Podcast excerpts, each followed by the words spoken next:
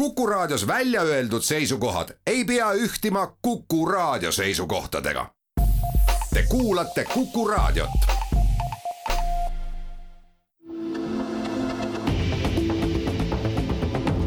kahevahel. kahevahel igareedene intervjuusaade Kahe vahel alustab ja ajakirjanike Timo Tarve ja Ainar Ruussaare vahel on täna Kuku stuudios ettevõtlus- ja infotehnoloogia minister Kristjan Järvan, tere! tervist! Kristjan, kas te teate, kui palju üleeile öösel nelja-viie vahel elekter Eesti piirkonnas maksis? täpset numbrit tõepoolest tunni täpsusega ei oska hetkel öelda üks sent kilovatt-tund, mis tähendab seda, et kõik kodumasinad ilmselt väga paljudes kodudes huugasid. ja need hinnad on olnud märkimisväärselt madalad kõik need ööd. mis nüüd teha, kas kodanik peaks ennast universaalteenusest lahti ütlema? ma arvan, et selleks tegelikult põhjust ei ole ja põhjus on väga lihtne, miks äh, me näeme, et tulevikus äh, ehk siis talve perspektiivis äh, ühtegi tootmisvõimsust juurde ei tule, gaasi hind päris kindlasti alla ei lähe ja, ja sellisel äh, olukorras, kus tegelikult tarbimine talvel ju tohutult kasvab, et meil hetkel on äh, võrdlemisi soe veel väljas. tuuline ka. Äh, tuuline ka, täpselt nii, et äh, meie roheinvesteeringud praegu aitavad, eks ole. mitte ainult meil, vaid ka teistes riikides, aga nüüd, kus tuleb talv, meie tarbimine siin kahe-kolmekordistub, tootmisvõimsusi juurde ei tule, päikest läheb ära, et sellisel juhul börsil äh, kõikide prognooside järgi hind ainult kasvab. härra minister, tegelikult me ei tea, milline on energia hind kahe kuu pärast, eks ole? me teame, mis suunas ta kõige suurema tõenäosusega liigub. et äh, loomulikult, kui te küsite sentide täpsusest, siis äh, ega keegi selliseid arvutusi ei hakka teile ütlema, sellepärast et äh, need usalduspiirid läheksid liiga laiaks aga seda, et kas äh, tänane börsihind hakkab äh, tõenäosuses äh, keskmiselt talvel olema madalam või kõrgem, seda saame päris suure tõenäosusega öelda. see hakkab olema kõrgem ja sellisel olukorras universaalteenus oleks ja on ka täna odavama hinnaga hea minister, eile te tegelikult üllatasite avalikkust ühe korraliku pannilöögiga. Te läksite päris isiklikuks ametist lahkuva Eesti Energia juhatuse esimehe Hando Sutteri aadressil, mainides tema palka ja börsipaketil olemist ja ütlesite ka, et Eesti Energia juhatuse väljavahetamise tingis nende suutmatus täita riigi seatud ülesandeid. mida see tähendab ja kas tegelikult olite nii-öelda Sutteri lahkumise taga teie? alustame siis äh, algusest peale, et ähm, tegelikult ähm, kahjuks selle universaalteenuse äh, väljatöötamisperioodi jooksul on äh, selline kahetine suhe olnud Eesti Energiaga, et kohati on nad väga mõistlikud olnud, kohati nagu mingid imelikes kohtades asjad takerduvad. Ehm, ja, ja ma arvan, et seda takerdumist enim oleme just kommunikatsioonis näinud.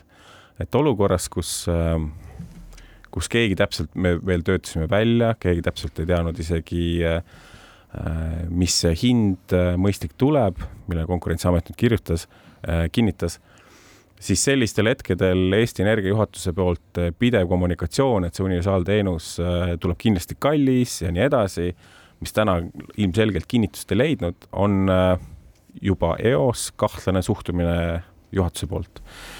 mis siit edasi, et äh, Eesti Energia on riigile väga strateegiline asutus. ta omab nii ettevõtte rolli ehk siis kasumit teenida, kust äh, Eesti riik saab dividende välja võtta ja riigieelarves äh, selle arvelt kulutusi teha. kuid äh, sellega tema funktsioon ei piirdu. tal on ilmselgelt energiajulgeoleku funktsioon. kui me näeme tänast olukorda, siis äh, seni aastaid ju oli börsihinnaga kõik hästi äh,. mitte ainult meil, vaid ka teistes riikides äh,, lähinaabrites. samal ajal meie põlevkivijaamad sisuliselt seisid, sest nende omahind oli nii kallis, et nad ei pääsenudki turule ähm,. võiks ju öelda, et, et see on halb investeering, kui sa ei pääse turule aga riigile strateegiline, oluline, et meil tegelikult see tootmisvõimekus oli olemas ja, ja kuigi ta mitmeid aastaid võiks öelda oma tulu tagasi teeninud, siis tänases energiakriisis on igati äh, õigustanud ennast ja veelgi enam. küsitakse, et miks, äh, miks pannakse, pandi kinni vanu jaamu, miks me ei uuendanud neid, miks ei olnud Auvere kahte ja kõik need küsimused on täna hoopis laua peal.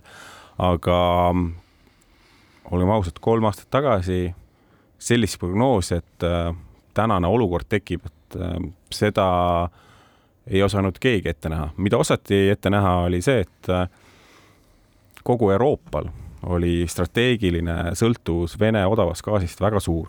seda probleemi nähti. seda, kuidas ta nüüd taktikalisele tasandile tekib, ehk äh, meil on Ukraina sõda ja meid survestatakse sellega, et äh, kaks aastat tagasi veel Venemaa spetsiaalselt, ma arvan, oli odavdanud gaasi hinna, hinda, suurenenud tarneid, mis äh, tekitas olukorra, et meil elektrihinnad olid väga madalamad äh, isegi eel, eelnevaga võrreldes. ja nüüd see nii järsk muutus loomulikult tekitab äh, pahameelt meie kodanike seas, et varem sai, miks täna ei saa.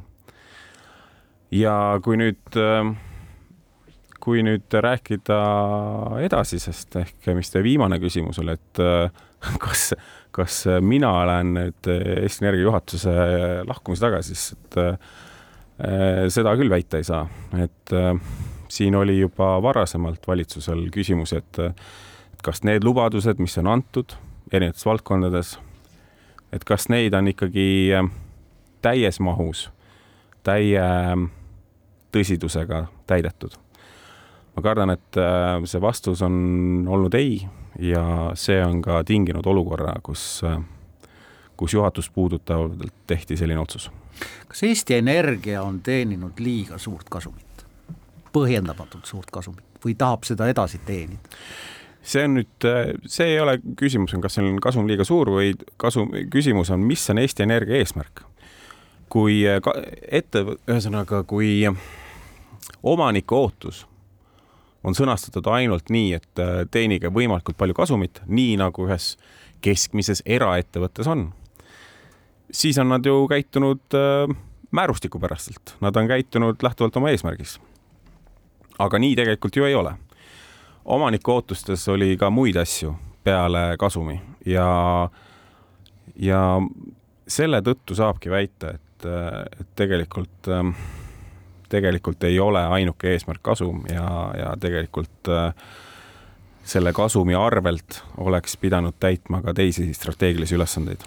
Kristjan Järvan, te olete ka ise olnud ettevõtja ja teate väga hästi, mis asi on mõistlik kasum, mis asi on mõistlik elektri hind, see sõna mõistlik on meid Ainariga ausalt öeldes väga segadusse ajanud mm. -hmm. kes ütleb, mis asi on mõistlik. ma mhm. arvan, et eh, koduprouadele, kes pesevad öösiti pesu, oleks väga mõistlik, et ka õhtusel normaalsel pesu pesemise ajal, nädalavahetusel oleks see hind mõistlik, noh, nende hinna järgi siis alla kümne sendi kilovatt-tunnist. riik, Eesti Energia arvab, et oh, mõistlik kasum oleks miljard stiilis mm. -hmm. kes siis selle lõpuks ära otsustab? Nõus, see on hästi hea küsimus ja tegelik vastus on see, et äh, mõistlik kasum äh, või mõistlik kasumimarginaal on äh, võrdlemisi juriidiline termin, mida konkurentsiametid üle Euroopa kasutavad.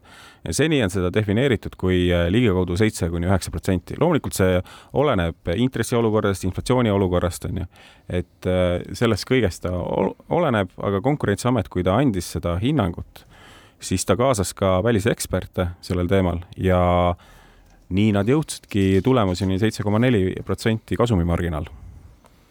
sest see probleem ei ole ju ainult Eesti Energia puhul, see probleem on kõikide monopolide puhul. küsimus ongi, et et mis see monopoli mõistlik kasumimäär on ja sealt see seitse kuni üheksa protsenti on tulnud. kas üheksateist senti on mõistlik elektri hind?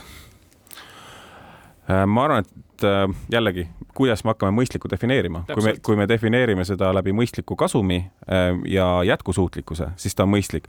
kas, kas see, et tänases olukorras see on turu tasakaalu lahend? ei. turu tasakaalu lahend tekib siis, kui kõik need tootmisvõimekused, mida täna jõudsalt arendatakse, jõuavad turule. sest hea näide ongi see, et kui need rohetootjad tahtsid äh, miinimumhinna garantiid riigilt, siis äh, võitepakkumine oli kaheksateist ähm, eurot megavatt-tund, mis on üks koma kaheksa senti kilovatt-tund, mis tähendab, et äh, nad tahtsid, et riik garanteeriks, et hind börsil ei kuku üle viieteistkümne korra. ehk see on selge märk, et tänased börsihinnad on tohutu motivatsioon tulla uute tootmisvahenditega turule. aga nende tootmisvahendite turule jõudmine võtab aega. kui nad on kohale jõudnud, siis me võime rääkida, et hind turul on mõistlik Läheme siinkohal ühele mõistlikule reklaamipausile, mille pikkus ei ületa mõistlikku aega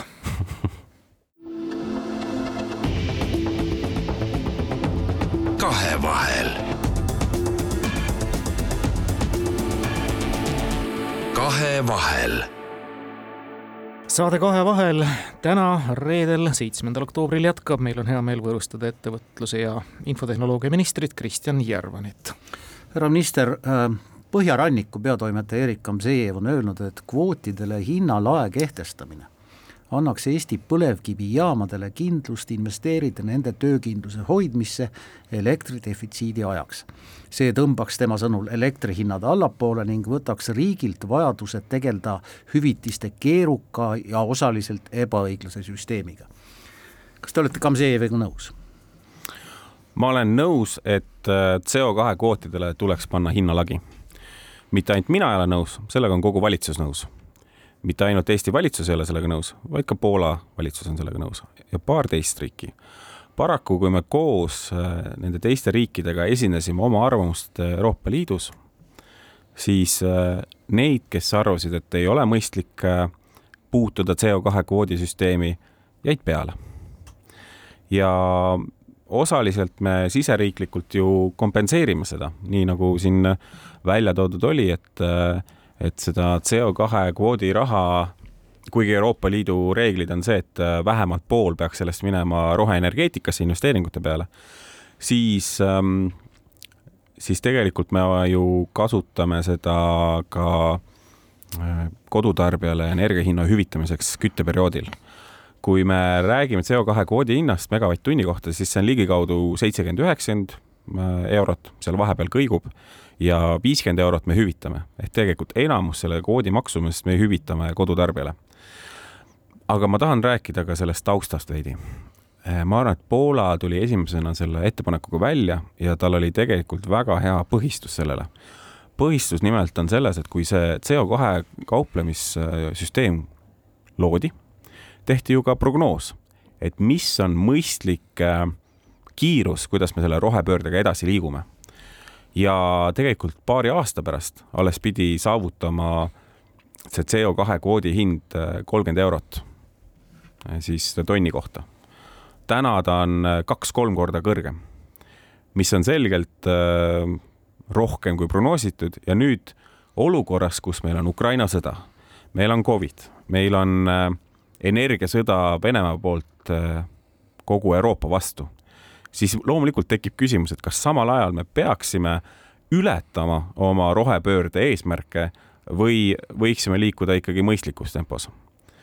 loomulikult Eesti valitsus äh, ja mitmed teised on, on nõus, et, et võiks olla ikkagi mõistlikud ja jätkusuutlikult liikuda nende teemadega edasi olukorras, kus meil on mitu kriisi korraga. aga nii see ei läinud ja mis veelgi enam, et, et äh, kui tulevad siin suured hääled, et, äh, et astume siis äh, sellest CO2 koodisüsteemist välja, see on võimalik, aga sellega koos me peaksime kogu Euroopa Liidust välja astuma. ja teha niisugune Brexit siin, ma arvan, et see ei ole Suurbritannia majandusele hästi mõjunud, päris kindlasti ei mõjuks meie majandusele hästi ja tegelikult lõppkokkuvõttes kaotaks riik, kaotaks elanikud on see süsteem siis nii jäik, et erandeid ei saa ka kriisiaegadel riigid iseenesest teha. Covidi aegu tehti kõikvõimalikke tempe ja vempe, mis olid äh, vastu igasugusele Euroopa Liidu reeglistikule ja need riigid on jätkuvalt Euroopa Liidus sees. ja opositsioon väidab muuseas, et see ei ole üldse nii ilmvõimatu ja me ei pea Euroopa Liidust sellepärast lahkuma. jah, seadust võib rikkuda, selles suhtes, et äh, seaduserikkujaid on olemas, aga nüüd ongi küsimus, et, äh, et kas, äh, kui mitte keegi teine seda ei tee, siis äh, ma Eesti valitsusena, valitsuses olevana küll ei tahaks võtta, et Eesti on see esimene, kes nüüd selliseid põhimõtteid rikkuma hakkab. et kui meil oli Covidi kriisiga oli selge eluoht inimelule ehk oht inimelule mis annab teatava kiiruse, tempo ja keegi ei osanud seda ette näha. kui meie probleem on see, et elektri hind on kõrge, siis ma kardan, et see põhjendatus äh, erakorralisteks äh, meetmeteks, just siis erakorralised meetmed, mis rikuvad Euroopa Liidu reegleid hetkel, kus keegi seda teine te ei tee, ähm, siis see on küsitav ma arvan, et tegelikult see, mida Eesti juba täna teeb, ehk siis võtame CO2 raha ja anname kohe tagasi läbi kompensatsiooni, et see juba niigi on selle CO2 kvoodisüsteemi põhimõtte nii-öelda kõrvalt minemine. et äh, jällegi, ma ei ole kuulnud opositsioonilt äh, konstruktiivseid asju, mida päriselt saaks teha, ilma et äh, Euroopa Liidust peaks lahkuma. kas need kriisid, mis meid tabanud on, on tegelikult äh, pannud meid ümber hindama seda või neid turumajanduse väärtusi, mida me nagu, nagu veel kolm aastat tagasi pidasime peaaegu nagu enesestmõistetavaks, et hinna määrab turg mm. -hmm. aga enam ei määra ju, paljudes valdkondades määrab. see on hea küsimus, aga. meil on, meil on nagu sotsiaalne turumajandus, et riik on nagu osa. ma ütlen, et kriisis on äh, riigil alati äh, põhjust sekkumist rohkem. kuidas see kriis nüüd tekkis, et äh, selle kriisi, tegelikult turumajandus töötab, aga siin on ajaraam, on küsimus. ja nii nagu ma ennist teile rääkisin, siis äh, ega see motivatsioon uuel tootmisel, suuremal pakkumisel turule tulla on täielikult olemas. see lihtsalt võtab aega, äh, tulenevalt energiaturu äh, reaalsusest ehk äh, pikas perspektiivis jah, turg tasakaalustab ennast, aga lühikeses perspektiivis on riiklik sekkumine mõistlik. ma arvan, et pikas perspektiivis äh, ei ole mõistlik äh, majandusse sekkuda, meil on monopolid äh, või monopoolses seisundis olevad äh, kriitilised võimekused, ma arvan, et Eesti Energia jääb selleks ka tulevikus. et meil oleks võimalus oma energiat, olgu et ehk veidi kallimalt aga siiski ise toota, et need tuled ei läheks kustu. no jaa, aga kiusatus ikkagi nagu riigi poolt, mina, mina olen seda küll välja lugenud, kiusatus riigi poolt noh, näiteks Eesti Energiale öelda, et äh, selline on teie kasum, mitte rohkem, mitte suurem mm, -hmm. on, on nagu olemas, et see ei ole see turumajandus, mida, mida mina õppinud olen. jah, nõus, nõus. Äh, ja ongi, et aga noh, suures pildis, ega me võiks ju teha ka niimoodi, et äh, me laseme Eesti Energialt täielikult oma kasumi välja võtta ja võtame kohe riigieelarvesse need dividendid välja ja siis keerutame selle tagasi toetustena inimestele, onju. see on ka täiesti võimalik, seda äh, sisuliselt ju eelmine talv ka tehti. aga selleks, et äh, loomulikult iga kord, kui me raha vahetab asukohta, keegi peab midagi määrama, saatma, seal tekivad ebakõlad, kaod ja et pigem me teeme nii, et see universaalteenus, et see kasu sellest äh, madalamast hinnast jõuaks kohe tarbijani muuseas, universaalteenusest ja temast rääkides, see on ka üks moodus, kus riik praegu vähemalt ja nagu ma aru saan, siis ajutiselt sekkub ka igapäevaste, mitte ainult Eesti Energia, vaid teistegi ettevõtetesse. mis asi on see ettevõtetele suunatud universaalteenus, mis moel või teisel mõjutab konkurentsi mm? -hmm. see on äh, sisuliselt sama te teenus, mis on äh, suunatud kodutarbijatele, aga me läheme siis esiteks äh, appi mikroettevõtetele, väikeettevõtetele ehk äh, kelle töötajate arv ei ületa viitekümmet, kelle käive ei ületa kümmet miljonit ja täiendavalt MTÜ-d, sihtasutused, kelle elektritarve ei ületa ühte gigavatt-tundi. kas FIE Potsepp, kes töötab gaasiahjuga, või näiteks treipingiga, mis neelab väga palju elektrit, töötav FIE ka sinna alla mahub? jah, et äh, nii nagu me tegime tegelikult äh, ka kodutarbijate puhul, et kui MTÜ, kui Aiandi, kui äh, osaühing kasvõi vahendab siis äh, kodutarbijale otse elektrit, siis ka kodutarbijale suunatud äh, universaalteenust ta saab pakkuda. kuidas teil isiklikus plaanis on, kas te olete praegu börsipaketi liige? Meie korteriühistu oli seni börsipaketil. kui nüüd eelmine reede meil oli äh, pressikonverents, kus me rääkisime sellest hinnast, siis äh, hea meelega teatas mu korteriühistu esimees äh, Facebooki Messengeris, et ka tema vaatas seda ning loomulikult läheme universaalteenusele üle. ja te soovitate seda kõigile Kuku kuulajatele ka praegu? ma arvan, et need, kes on börsipaketil, suure, suure tõenäosusega te võidate universaalteenusest. Need, kes on, äh, kellel veel vanad fikseeritud lepingud kehtivad kes on eelmine aasta siin äh, väga soodsate hindadega need fikseeritud paketid sõlminud. Ehm, ma pigem soovitan teil oma lepingute peal lõpuni istuda ja siis vaadata, mis turul on. ma arvan, et see turuolukord on selline, et äh, börsihind on tänasega võrreldes veelgi kerkinud. ilmselgelt sellel hetkel pakutavad fikseeritud paketid ületavad börsihinda ja jääbki universaalteenus, mis on oluliselt odavam siinkohal läheme taas kord väikesele tasutud teadaannete pausile ja jätkame saadet kahe vahel.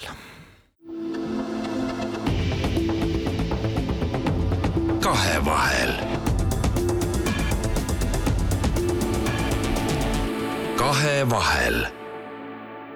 Kahevahel intervjuusaade Kahe vahel jätkub ja ajakirjanike Timo Tarve ja Ainar Ruussaare vahel on täna ettevõtlus- ja infotehnoloogia minister Kristjan Järvan. hea minister, ma usun, et kõik kuulajad on aru saanud, et te olete väga pädev rääkima elektrituru reformist ja te olete väga andunult ja väga sisuliselt ja hästi seda teinud ja arusaadavalt, mis põhineb, milles, mille eest on ka kuulajad ja saatejuhid väga tänulikud. aga te olete ettevõtlus- ja infotehnoloogia minister teie tegevusampluaa oleks nagu hoopis midagi muud. vägisi jääb mulje, et te olete toodud ametisse selleks, millest te just praegu rääkisite, kõik on tehtud. ega nüüd ei ole sellist seisu, et Mooramaa mees on töö ära teinud, Mooramaa mees võib lahkuda oh,? kindlasti mitte.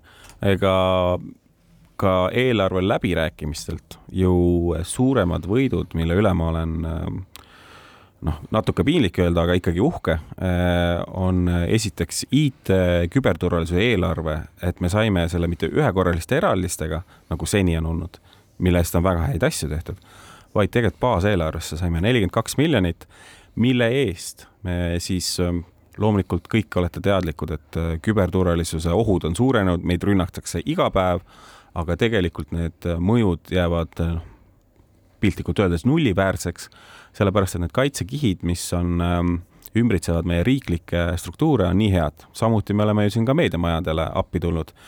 et, äh, et tegelikult see küberturvalisuse tase Eestis on äh, kindlalt maailmas esirinnas.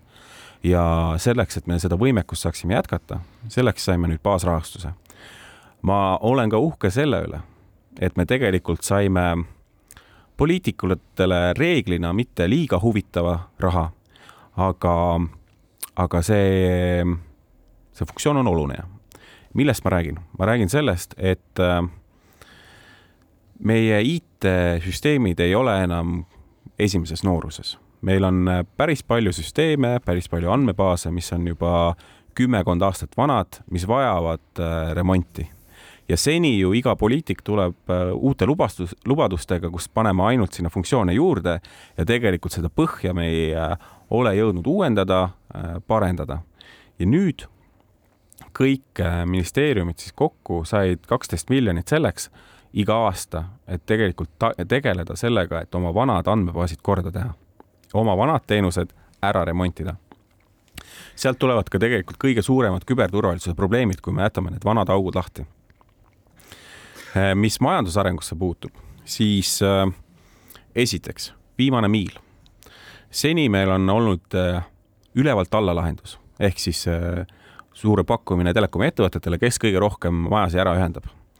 aga nende mure on alati olnud see, et okei okay,, me paneme torud paika, aga mitte miski ei garanteeri meile, et need kliendid päriselt seda kasutama hakkavad või kui hakkavad, siis millise teenuspakkuja teenust. Nüüd on meil alt üles meede, me teeme piloodi äh, nelja kogukonnaga kus siis külad ise saavad tulla ja öelda, et meie päriselt tahame siia teenust, me oleme nõus ise panustama, riik võimendab nende raha ja tegelikult nad saavad selle kiire interneti oma külla kätte. siin on ka, oleme, teeme droonikeskuse. Äh, üleüldine minu põhimõte on, et riik võiks äh, majandusse sekkuda võimalikult vähe ja kui ta sekkub, siis seal peavad olema väga tugevad äh, põhjused, miks, miks seda teeb. siin on mastaabisääst, toon näite kui EAS võtab äh, mõned äh, siis tehased kaasa tutvuma välismaiste tehastega, kuidas seal tehakse asju, kuidas innovatsiooni Eestisse tuua, siis äh, loomulikult see on efektiivsem võrreldes olukorraga, kus iga ettevõte hakkab endale välisesindust rajama. toon teise näite, infrastruktuur. meil, äh, mida ma näen tulevikus äh, maailmas, Ukraina sõda on seda kindlasti kiirendanud, aga tegelikult kaitse-eelarved igal riigil suurenevad tohutul määral praegu ja ettevõtetel ei ole tootmisvõimsusi ega ka ütleme nii, et paletti nendest toodetest, mida võiks pakkuda mis tähendab, et äh, tegelikult turul hakkavad militaarettevõtted äh, kindlasti pead tõstma ja ma arvan, et strateegiline eelis äh, Eestis on see, et meie kaitsevägi on olnud piisavalt pädev. Mis piisavalt? maailma esirinnas. et, et sealt on hästi palju taktikalisi teadmisi tulnud, kuidas, kuidas ja mida on lahinguväljal vaja. ja meil on väga eesrindlik drooniettevõtted, kelle kaubad on ju tegelikult Ukrainas kasutusel ja mida need ettevõtted palusid, et äh, meil oleks droonide testimiskeskus, kus nad saavad näiteks mõõta seda, et kui äh, palju nende droonid radaripilti jäävad. Äh, neid ettevõtteid oli mitmeid, siin oli ka Lennuakadeemia osaline ja nüüd me teeme droonikeskuse, kus see kõik infrastruktuur oleks olemas ja tegelikult riigina on mõistlik majandusse sekkumine kuulge, loen Eesti digiühiskonna arengukava ja seal on eesmärgid seatud aastaks kaks tuhat kolmkümmend. seitsme aasta ja kolme kuu pärast on Eesti kaetud 5G levialaga, on see reaalne? selles suhtes, et äh, Eesti, kas me räägime nüüd, ühesõnaga ma täpsustan siis, et äh, see ei räägi pindalast, ta räägib äh, inimestest. jah, et äh, ja see on reaalne Äh, pigem ta, ma arvan, et mainib ikkagi äh, viimast miili kui üks äh, gigabait sekundis kiirust. see on olnud Euroopa tasandil eesmärk viimasel miilil. 5G-ga, ähm, kas me saavutame seda, eks tulevik näitab, aga praegusel hetkel on ligikaudu kaheksakümmend tuhat majapidamist, kes on jäänud viima-, viimasest miilist välja ma tõepoolest äh, tunnistan seda, et ma arvan, et üks kõige olulisem asi on kommunikatsioonipuudus selles olnud. et miljonid lähevad sinna, kui kaugel me oleme, mida me teeme, millal valmis saab? Ehm, see oli ka tegelikult esimene küsimus mulle äh, presidendi poolt, kui ma temaga esimest korda vestlesin. ja ilmselge kommunikatsiooniprobleem, me oleme sellega tegelenud, tegeleme ka tulevikus, et äh, täpsustada pilti ja nüüd vastuseks teie küsimusele, jah, ma arvan, et viimase miiliga me saame aastaks kakskümmend kolm, kaks tuhat kolmkümmend tehtud. Kaks ja pisut enam nädalat tagasi te väisasite Ukrainat, sõjas olevat Ukrainat ja saite sealt kindlasti palju ammendamatuid ideid. Ukraina oli vist ja on siiamaani hoolimata sõjast väga suurte sammudega oma digiarengus juba Eestist ees ähm,. jah tänu eestlastele seejuures tänu eestlastele kahtlemata. Äh, kohtusin siis äh, asepeaminister ka ja äh, Fedoroviga ja tema lugu on selline. Kaks tuhat üheksateist, ta on minuga sama vana. kaks tuhat üheksateist ta käis Eestis, vaatas, kuidas meil e-riik siin toimib ja oli kade. ta läks Ukrainasse tagasi ütles, et meil on sedasama vaja. ja tegelikult äh, nad ehitasid selle sama X-tee peal, mida Eesti kasutab, oma kogu arhitektuuri ümber, oma andmebasid selle peale töötama aga nad läksid sammu edasi kui Eesti. kui me iga päev istume päris palju oma nutitelefonides, siis äh, nemad viisid ka riigi nutitelefonisse. eks meil ole ka seda olnud veidi, me oleme oma teatud riiklikke veebilehti siis ka nutitelefonis äh, kasutatavaks muutnud. aga see on poolik samm. Nemad tegid riigi äpi, seal on äh, sada viiskümmend erinevat teenust kus on väga mugavalt kasutada.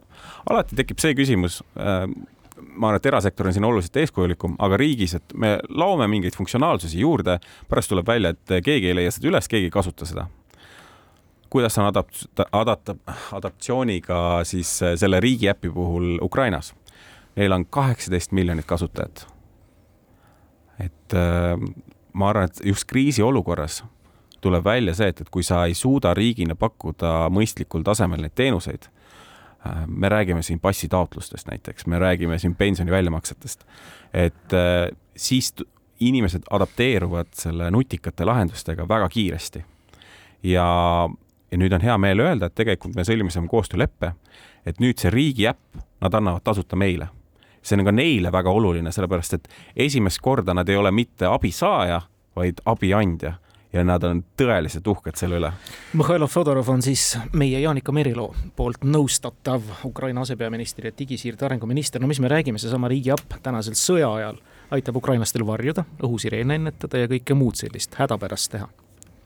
jah, äh, noh, fakt on see, et äh, väga paljud vanemad inimesed, kes praegu Eestis elavad, tõepoolest äh, ei kasuta internetti igapäevaselt ja mobiiltelefoni kasutavad võib-olla tõepoolest ainult helistamiseks aga noh, äh, reaalsus on ka see, et äh, see reaalsus muutub.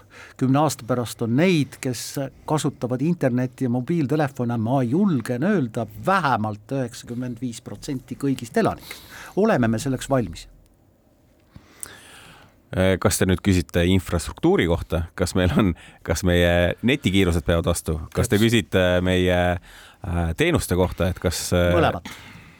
siis vastus lühike on jah et me tegelikult oleme selleks valmis ähm,. aga täpselt äh,, täpsemalt ongi, ma arvan, et, et see pudelikael tulevikus Eesti e-riigi arengus ei saa olema mitte see, et äh, kuidas me lisame uusi funktsionaalsuseid, vaid täpselt sama põhimõte, mis on erasektoris.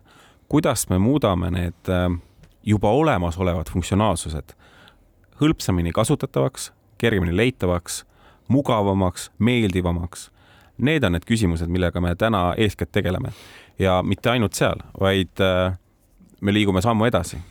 me tegeleme sündmusteenustega. see tähendab, et kui sul äh, näiteks äh, sünnib laps või sa abiellud, siis automaatselt sulle saadetakse kokku kõik asjad, mida sa võiksid teha, osad asjad tehakse automaatselt ära, näiteks laps panna lasteaia nimekirja, kohalikult omavalitsuselt äh, siis ähm, saada mingi toetus, kui sa oled selleks õigustatud. ja kõik selle asemel, et see elanik peab ise muretsema, äkki ma unustasin midagi ära selle asemel me saadame kõik sulle kätte. ma nii unistan, ma unistan nii väga sellest aga Kristjan, olles ise praegu just sel nädalal nende samade probleemidega vägagi tõukunud, see kõik on väga rumala bürokraatia taga kinni, ehk siis kunagi vastu võetud seadusandluse taga, mida tuleb hakata sealtpoolt muutma. kuulge, ja üldse SKAIS2 on ju sõimusõna selles ringkonnas et kuidas me nüüd peaksime selle kõik ilusa saavutama ühte nutitelefoni, kui seda süsteemi ei ole suudetud kümme pluss aastat üles ehitada? Skys kaks on äh, noh, tegelikult üks andmebaaside keskus lihtsalt, et äh, päris kindlasti seal ei ole kõik äh, Eesti andmebaasid ja siin on mitu teemat. esiteks, see piloot sündmusteenuste osas on juba töös et loodetavasti siin järgmise aasta jooksul me saame juba seda pakkuda esimeste sündmusteenuste puhul mis äh, puudutab äh, Skys laadseid olukordi äh,, see on äärmiselt kahetsusväärne, et äh, ja ma, see oli üks esimesi asju, mida ma küsisin, et punkt üks äh,, kuidas see sai juhtuda, et äh, tükk aega arendati mingit asja ja siis tuli välja, et seda ikkagi üldse niimoodi ei tööta. ja punkt kaks, kuidas me kindlustame, et mitte kunagi enam niisugust äh, asja ei juhtuks. ja ma näen et äh, tegelikult ähm, suures osas ka, ka see, mida meie maja digiühiskonna osakond koostöös äh, Riigi Infosüsteemide Ametiga, et me hoiame sellistel teemadel silma peal. veelgi enam, kui äh, me rääkisime sellest neljakümne kahest miljonist püsirahastusest, seal sees on ka kolm miljonit reservi, mida siis Majandus-Kommunikatsiooniministeerium vastavalt projektide taotlusele rahastab riigikogulastel on väga raske näha eelarveridade taha, et kui mõistlik seal rakendusplaanid on. sest mitte ainult ei ole eesmärk tähtis e, tähtis on ka see, kas see rakendusplaan on mõistlik. ja nüüd ongi see, et, et äh, loomulikult jooksvalt tuleb kogu aeg projekte peale ja me saame rahastada neid projekte, mis äh, omavad tõesti kõige suuremat teostatavust. Skysiga oli olukord teine, pandi suur hunnik raha, pandi suur hunnik eesmärke ja taheti kõike korraga teha. nii paraku ei saa. teeme siin veel väikese pausi ja siis jätkame intervjuud ettevõtlus- ja infotehnoloogia minister Kristjan Järvaniga. kahevahel. kahevahel viimane ja neljas veerand selle reedesest intervjuusaatest Kahe vahel. Ainar Ruussaar ja Timo Tarve on võõrustamas täna infotehnoloogia ettevõtlusministrit Kristjan Järvanit. härra Järvan, no kui ma püüan kolmanda klassi matemaatikat meenutada, siis meid on vähe siin Eestis. võrreldes näiteks selle elanike arvuga, kes elavad Poolas või Saksamaal. kas see kõige üldisemalt tähendab seda, et iga asi, mida me ehitame, olgu see tee, elektriliin maksab meie elanikele, meie maksumaksjatele, meie riigile rohkem kui näiteks Saksamaal või Poolas. Või olema kolmanda klassi matemaatika ära unustanud?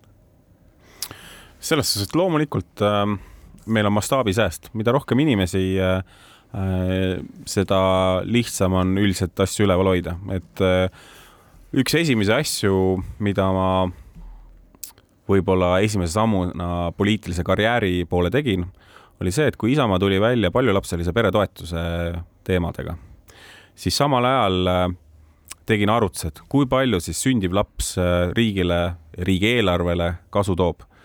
ja, ja toona oli ka see suur küsimus, et aga lapsed toovad ka kulu. ja siin erinevalt erasektorist, kus sul tekib kasum, siis riigil mitte kunagi kasumit ei teki. Kõik raha, mis riigieelarvesse tuleb, seega kulutatakse ära.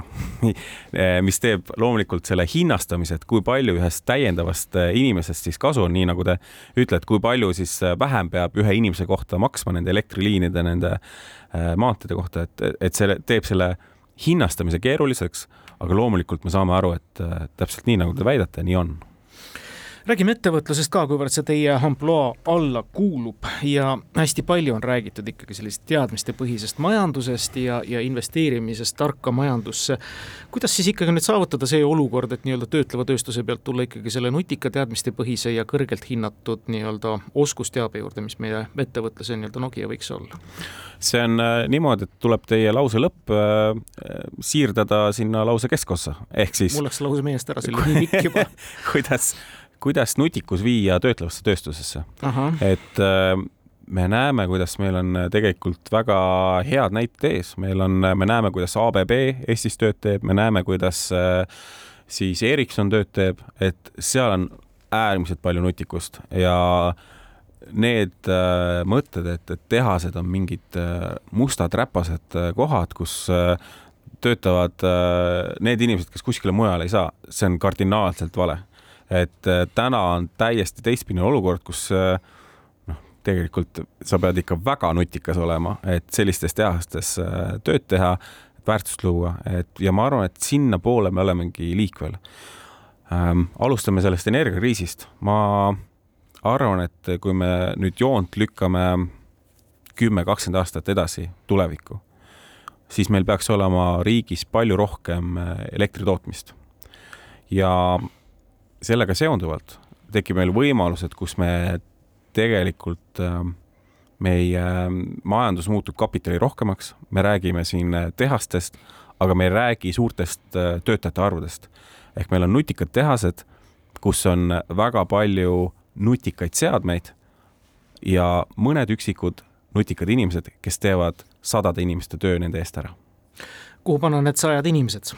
Kes siis selle läbi kardavad, et robotid võtavad nende töö ära, nad on seda tegelikult viimase sajandi vältel juba kartnud. just, ja kuidagi nad on ikkagi, eksisteerivad siin ja kuidagi on nende elu kogu aeg paremaks läinud.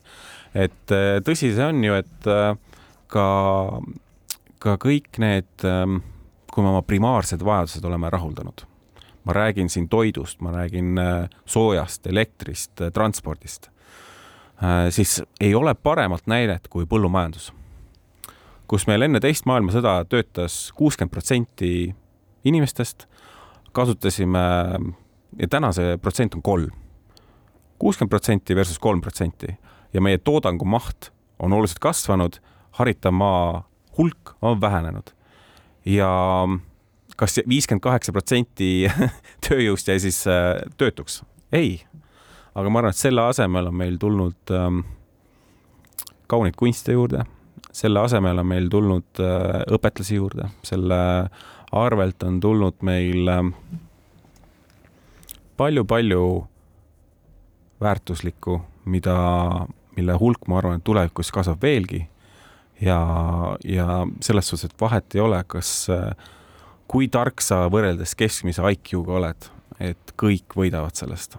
jah, muidugi teaduslik tehniline revolutsioon on tegelikult ju ainult kasuks tulnud, keegi ei vaidle keegi ei vaidle sellega, aga teil on kindlasti mingi väga lihtne retsept, väga lühike retsept, kui ma oleksin ettevõtja, kuidas te veenaksite mind, et ma osa oma ettevõtte kasumist investeeriksin, ma ei tea, teadusesse äh,, arendustegevusse mm, -hmm. mis, mis see, mis see minu motivaator peaks olema ehm,? ma arvan, et mul on kergem selgitada seda palgatöötajale ja palgatöötajale selles suhtes, et äh, räägime ulmelistest summadest, ütleme, et äh, kui su palk oleks täna kümme tuhat äh,, siis mis valiku sa teeks, kas sa läheksid äh, töökohta, mis sulle ei meeldi, aga maksab üksteist tuhat või sa jääksid töökohta, mis maksab kümme tuhat ja sul meeldib seal väga olla. ma arvan, et ettevõtjatel on äh, täpselt sama seisukoht, et noh, see, et sul äh, tuleb kasumit äh, paar protsenti juurde. selle headuse kaalub üles olukord, kus äh, tegelikult see keskkond, kus sa elad, muutub paremaks. mul on, ma tahan väga palju tunnustada neid IT-ettevõtteid, kes tegelikult kood Jõhvi tekitasid. Äh, ma arvan, et see on üks, üks väga hea näide, kuidas, kuidas edukad ettevõtted tegelikult panustavad sellesse, et, et see keskkond, kus me elame, see oleks targem, ilusam, meeldivam kuidas teile tundub ettevõtjatega hästi palju kohtunud inimesena ja ettevõtluskeskkonda tunduva inimesena, kas meie ettevõtjaid ja siin tegutsevad välismaised ettevõtjad on empaatilised selle keskkonna suhtes, kus nad on või need huvitab ainult raha? esimene näide, mis mul tuleb meelde, on praegu e äh, see ABB. kuidas nad äh, panustavad oma kohalikku omavalitsusse, kuidas nad äh, kuidas nende tippjuhid, kes on Soomest tulnud, on eesti keele ära õppinud, kuidas nad räägivad äh, läbi kohaliku omavalitsusega, et äh, ühistransporti suurendada, et äh, Tallinnast saaks inimesi sinna tööle. see soojendab südant ja, ja tegelikult neid ettevõtteid ju on veel, noh, et ma arvan, et Incap on jällegi hea näide, onju, et miks sa lähed Saaremaale? Et võiks ju küsida, et, et sul on ju noh, stamp aru saama, et sul on palju lihtsam ja need tarneahelad on palju lühemad, kui sa oled kuskil Tallinnas või suures keskuses.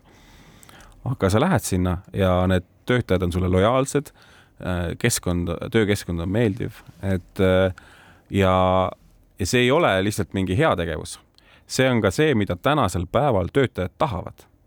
et äh, selle asemel, noh, me toome, tuleme tagasi selle näite juurde, et kas sul on äh, väga kõrge palk või natuke kõrgem kui väga kõrge palk, et aga selle asemel ebameeldiv keskkond. sa tahad ikkagi, kui sa, kui sa suudad oma vajadused ära katta, kui sa suudad oma pere vajadused ära katta oma palgaga, siis loomulikult aina rohkem hakkad sa hoolima sellest, et see keskkond, kus sa töötad, on meeldiv, see töö, mida sa teed, seal on sisu, need inimesed, kellega sa koos töötad, need, need on inimesed, kellega sa tahad midagi koostööd teha. ja siis tuleb ka tulemus ja ei loomulikult. täpselt Öelge, härra minister, kuidas nendesse ettevõtetesse suhtuda, kui me teemat jätkame, kes vilistavad absoluutselt igasugustele roimadele, sõjale, vägivallale ja jälkusele uue äh, Ukrainas ja jätkavad lihtsalt ettevõtet ja tootmist näiteks Valgevenes? kes jätkuvalt midagi, isegi siis, kui sanktsioonid on peal, veavad näiteks inimesi bussidega Venemaalt sisse ja tagasi? see on äh, väga kahetsusväärne ja selles suhtes, et me, ma arvan, et valitsus on väga selgelt joont näidanud äh, nii indiviidide puhul kui ka ettevõtete puhul, mis me arvame sellistest äh, teemadest, et äh, ja, ja kui sellised asjad välja tulevad, siis need meetmed on väga selgesõnalised. minister Järvan, te olete ka kaitseliitlane, teate võib-olla anda ka ikkagi hinnangu selle kohta, mis saab sõjast Ukrainas? ma olen väga kindel, et ukrainlased võidavad ja kõige olulisem komponent on siin võitlustahe. ma toon teile näite oma ühest lemmiksõjaraamatust, äh, mille kirjutas kolonel Hackworth äh, ja, ja selle ingliskeelne pealkiri on About Face. ja see räägib äh, ühes osas ka sellest, kui, kui tema sai aru, et nad Vietnamis sõja kaotavad. ja see juhtus siis, kui ta läks ühe, ühte Vietnami sõjavangi siis jutustama, mitte üle kuulama, ülekuulamine tehtud, alguses sõjavang oli väga kahtleval seisukohal, et noh, tuleks uuesti üle kuulama, aga lõpuks leebus ja Colin Hackford küs-, küsis talt ühe küsimuse. et noh, et kui kaua te siis mõtlete võidelda? sõdur mõtles veidi ja ütles, et noh, vähemalt kakskümmend aastat. vähemalt kakskümmend aastat ja kui need USA sõdurid mõtlesid, et noh, nemad on siia kaheksaks kuuks tulnud või kaheteistkümneks kuuks on ju, et siis on tehtud asi ja siis lähme koju ja siis tekib see pettumus iga kord, et ikka jälle kaheksa kuud ja ikka kaksteist kuud ja ikka ei ole tehtud, on ju. täpselt seesama pettumus saab äh, tabama mitte ainult moraalsetel põhjustel, mitte ainult varustuse teemadel, mitte ainult äh, halbade plaanide, mitte ainult valetamise, mitte ainult äh, sisulise terrorismi, mitte ainult nende, kõikide nende teemade puhul Vene sõdureid Ukrainas see saab äh, tabama neid sellepärast, et Ukraina võitleb oma kodu eest. ja nemad on okupandid. selle optimistliku noodiga täna lõpetamegi, aitäh, et tulite siia saatesse Kahe vahele ettevõtlus- ja infotehnoloogia minister Kristjan Järvan. Timo Tarve, Ainar Ruussaar tänavad, et kuulasite Kahe vahel taas järgmisel reedel. kahevahel kahevahel